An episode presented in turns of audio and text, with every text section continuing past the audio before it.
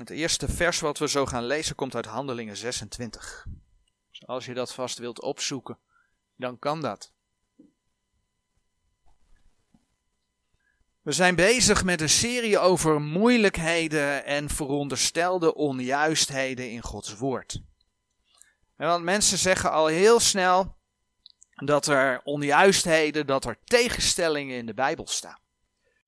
Men wil je vaak laten twijfelen over de woorden van de Heere God. Maar dat is niet nodig. Gods woord is de waarheid. En in deze serie willen we daar een aantal voorbeelden van bekijken om je te sterken in het vertrouwen dat, dat de Heere zijn woorden bewaard heeft. Nou, in het eerste deel hebben we onder andere stilgestaan bij uh, verschillen in aantallen van bijvoorbeeld ruiters, wagens en stallen in diverse teksten. En we zagen dat er wel degelijk een verklaring voor die verschillen in die aantallen is. Er is geen sprake van overschrijffouten. Daar is dan vaak een verklaring voor te vinden. Het zijn dus verschillen die niet fout zijn, maar verschillen die er horen te zijn, verschillen die extra informatie geven. In deel 2 zagen we dat er in één vers, namelijk Ezekiel 47 vers 9, sprake was van twee beken en daarna van één beek. En dat, dat, ja, dat leek tegenstrijdig. Tegenstrijdig, dat leek onjuist. En we zagen dan ook dat men die onjuistheid in nieuwe vertalingen veelal wegwerkt. men maakt dan van die twee beken maakt men één rivier. En de reden is dan vaak dat men het woord niet verdeelt, niet recht snijdt. En dingen die op de nieuwe hemel en de nieuwe aarde van toepassing zijn, die past men ook toe op het duizendjarige vrederijk. Ja, dan kom je verkeerd uit. Nou, we zagen toen door schrift met schrift te vergelijken, aan de hand van uh, Zacharia 14 vers 8 met name, dat die twee beken gewoon juist zijn. Er zal een beek vanuit Jeruzalem inderdaad naar het oosten, naar de Dode Zee gaan, maar er zal ook een beek naar het westen, naar de Middellandse Zee gaan. En die beide ontspringen dan uit één beek die uit de tempel van Jeruzalem zal gaan komen. Ezekiel 47 vers 1 en 5 spreken daarover. Kortom, de Heere heeft zijn woord bewaard in de Statenbijbel. En we zagen dat die nieuwe vertalingen onjuist zijn. Nou, vandaag willen we niet zozeer naar een verschil in vertalingen kijken, maar wel een verschil in twee teksten. En de eerste komt uit Handelingen 26. En dan gaan we een verschil zien, wat helemaal geen verschil is. Want het gaat gewoon over twee dingen. In Handelingen 26, vers 20 lezen we het volgende. Maar heb eerst degene die te Damascus en te Jeruzalem en in het gehele land van Judea en de heidenen verkondigd dat zij zich zouden beteren en tot God bekeren, werken doende der bekering waardig. Hier lezen we, want daar gaat het dan om, dat Paulus zegt, spreekt over en in het gehele land van Judea. Dus hij is in het gehele land van Judea geweest. En dan kijken we wat er in Galaten 1 vers 22 staat. De teksten staan ook op de dia overigens, maar het is goed om het even zelf te lezen in Gods woord. Galaten 1 vers 22 zegt dan, en ik was van aangezicht onbekend aan de gemeente in Judea die in Christus zijn. Dus Paulus die in het gehele land van Judea omging, was van aangezicht onbekend aan de gemeente in Judea. Hoe kan dat? Hoe kan dat? dat, dat lijkt met elkaar in tegenspraak te zijn. Nou, Paulus is de apostel der heidenen. En hij kreeg van de Heer de boodschap van de gemeente geopenbaard. Als we naar gelaten 1 bladeren, dan, dan lezen we dat zo. Want velen zeggen, ach ja, de brieven van Paulus, die zijn niet zo belangrijk. Dat hoor je nog wel eens zeggen. En ja, dat was Paulus maar. Maar het zijn wel, de brieven van Paulus zijn wel de brieven aan de gemeente van Jezus Christus. En als we dan kijken wat er in, in Galaten 1 vers, uh, vers 12 staat. Want ik heb ook hetzelfde niet van een mens ontvangen, nog geleerd, maar door de openbaring van Jezus Christus. Met andere woorden, de, de, de brieven van Paulus, wat Paulus mocht doorgeven, is gewoon de openbaring van Jezus Christus. Het zijn gewoon Gods woorden. Gods woorden en dan ook nog eens specifiek voor de gemeente. En Paulus heeft die boodschap gebracht, eerst aan de Joden, maar daarna aan de heidenen. in Jeruzalem, in Judea en aan de heidenen. Dat hebben we net gelezen. Nou, in de Handelingen 9 lezen we hoe Paulus geroepen werd. Paulus die de gemeente vervolgde, die werd door de Heere zelf geroepen. En toen hij dan tot geloof gekomen was, toen hij weer ziende geworden was, toen ging Paulus prediken. En dat speelde zich allemaal af in Damascus. Want hij was van Jeruzalem op weg naar Damascus om de gemeente te vervolgen. De Heere greep in. En Paulus wordt dan in Damascus ziende en gaat daar prediken. Maar als Paulus dat gaat doen, dan willen de Joden hem doden en de discipelen helpen hem vluchten. En dan lees je in Handelingen 9, vers 25 en 26 het volgende. Handelingen 9, vers 25. Doch de discipelen namen hem des nachts en lieten hem neder door, uh, door de muur, hem aflatende in een mand. En dan lees je in vers 26, Saulus, nu te Jeruzalem gekomen zijnde, poogde zich bij de discipelen te voegen, maar zij vreesden hem alle, niet gelovende dat hij een discipel was. Nou, je zou zeggen logisch dat de mensen bang waren voor Paulus, hè, want hij ging tekeer, hij wilde de gemeente uh, vervolgen. Maar daar gaat het me nu niet even, even niet om. Als je van vers 25 naar 26 gaat, dan denk je hij vlucht weg uit Damascus en vervolgens is hij in Jeruzalem. Maar laten we dan gelaten 1 erbij pakken. Gelaten 1 vers 15 tot en met 18. En dan gaan we zien dat er tussen vers 25 en 26, dat daar tijd voorbij is gegaan. Daar zit iets tussen. En gelaten 1 vers 15 tot en met 18 laten dat zien. Gelaten 1 vers 15. Maar wanneer het Gode behaagd heeft, die mij van mijner moeders lijf aan afgezonderd heeft en geroepen door zijn genade, zijn zoon in mij te openbaren, opdat ik dezelfde door het evangelie onder de heidenen zou verkondigen. Zo ben ik terstond niet te raden gegaan met vlees en bloed. En ben niet wederom gegaan naar Jeruzalem. Paulus ging dus naar Damascus, niet wederom naar Jeruzalem. Tot degenen die voor mij apostelen waren, maar ik ging heen naar Arabië en keerde weder naar Damascus. Daarna kwam ik na drie jaren weder te Jeruzalem om Petrus te bezoeken en ik bleef bij hem vijftien dagen. Hieruit blijkt dus dat Paulus na zijn bekering, wat we in Handelingen 9 vinden, helemaal niet naar Jeruzalem is gegaan, maar hij is eerst naar Arabië gegaan.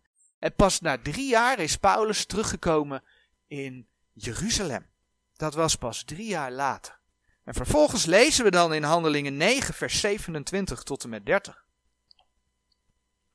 Handelingen 9, vers 27 tot en met 30. Maar Barnabas, hem tot zich nemende, leidde hem tot de apostelen en verhaalde hun hoe hij op de weg de Heere gezien had. En dat hij tot hem gesproken had.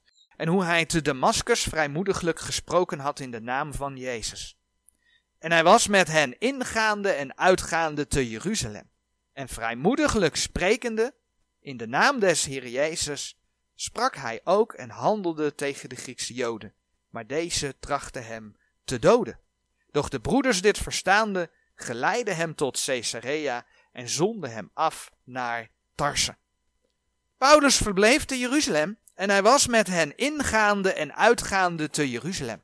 En door zijn verkondiging, opnieuw, stond hij weer op de nominatie om gedood te worden. Dat bewerkte het evangelie in die dag. En dus brachten zij hem via Caesarea naar Tarse. Volgens Galaten 1 vers 18 bleef hij in Jeruzalem maar 15 dagen. Dus hij was er drie jaar niet geweest en toen was hij er maar 15 dagen. En daarna moest hij weer weg. Dan komen we weer bij Galaten 1. Galaten 1 vanaf vers 19 schrijft daar het volgende over. Het gaat dan over die 15 dagen dat hij in Jeruzalem is. En zag geen ander van de apostelen dan Jacobus, de broeder des Heren. Hetgeen ik, uh, nu ik u schrijf, zie ik getuig voor God dat ik niet lieg. Daarna ben ik gekomen in de gewesten van Syrië en van Cilicië. En Tarse, waar Handelingen 9 vers 30 over spreekt, was de hoofdstad van Cilicië. Dus dat komt precies met elkaar overheen. Overeen. Paulus is dus maar heel kort in Jeruzalem geweest en is daarna doorgereisd. En heeft onder andere in Syrië en, en Cilicië, uh, daar is hij geweest. En dan lezen we in Handelingen 13 dat Paulus in Syrië is geweest, in Antiochië in Syrië. Dat Paulus op Cyprus is geweest, Handelingen 13 vers 4. Dat hij in Antiochië is geweest en dat hij in Iconium is geweest. Handelingen 13 vers 14, Handelingen 14 vers 1. Paulus is niet meer in Jeruzalem geweest. En dan lees je in Galaten 2 vers 1. Daarna ben ik, na 14 jaren, wederom naar Jeruzalem opgegaan met Barnabas, ook Titus medegenomen hebbende. Met andere woorden, na een periode van 14 jaar is Paulus weer naar Jeruzalem gegaan. 14 jaar later. En dat is dan wat we in Handelingen 15, vers 4 lezen. Als de vergadering in Jeruzalem of de heidenen zich aan de wet moeten houden. En daar gaat Paulus naartoe. Dat is 14 jaar later. En dat is dan waarvan we lezen in, in vers 4. En te Jeruzalem gekomen zijnde werden zij ontvangen van de gemeente en de apostelen en de ouderlingen. En zij verkondigden wat grote dingen God met hen gedaan had.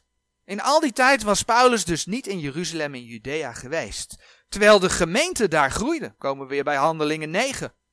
Want nadat Paulus weg is gegaan, ging de gemeente daar gewoon door. Kijk maar in Handelingen 9, vers 31.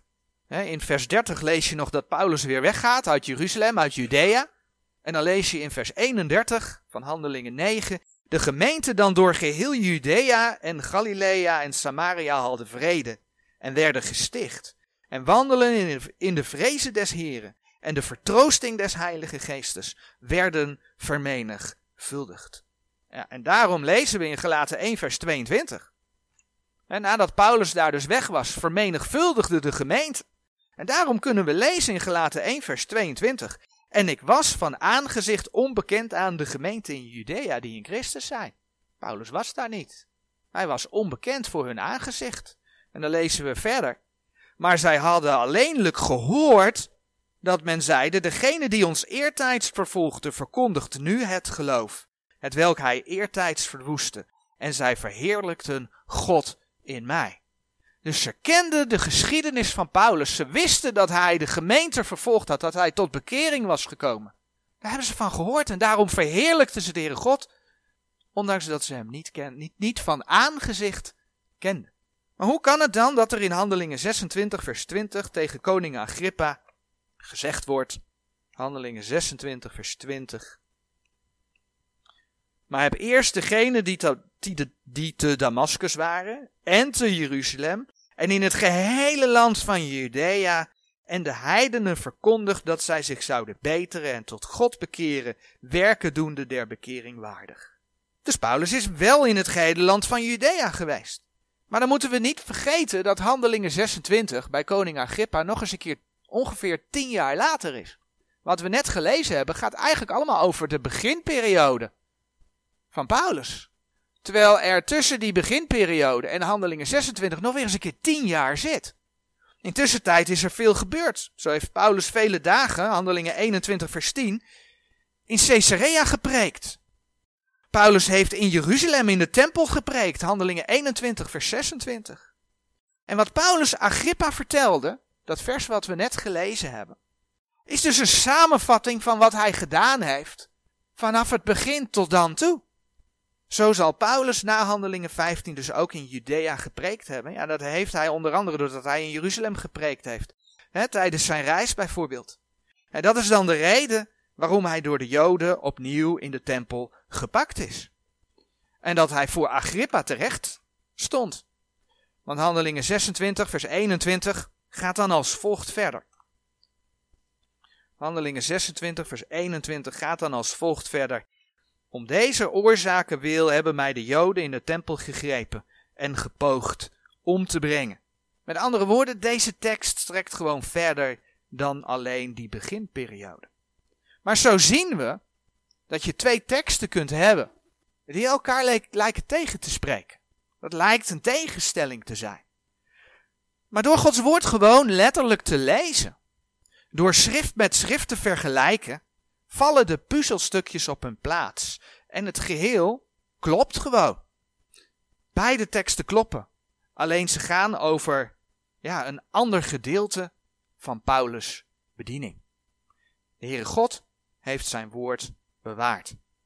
Amen.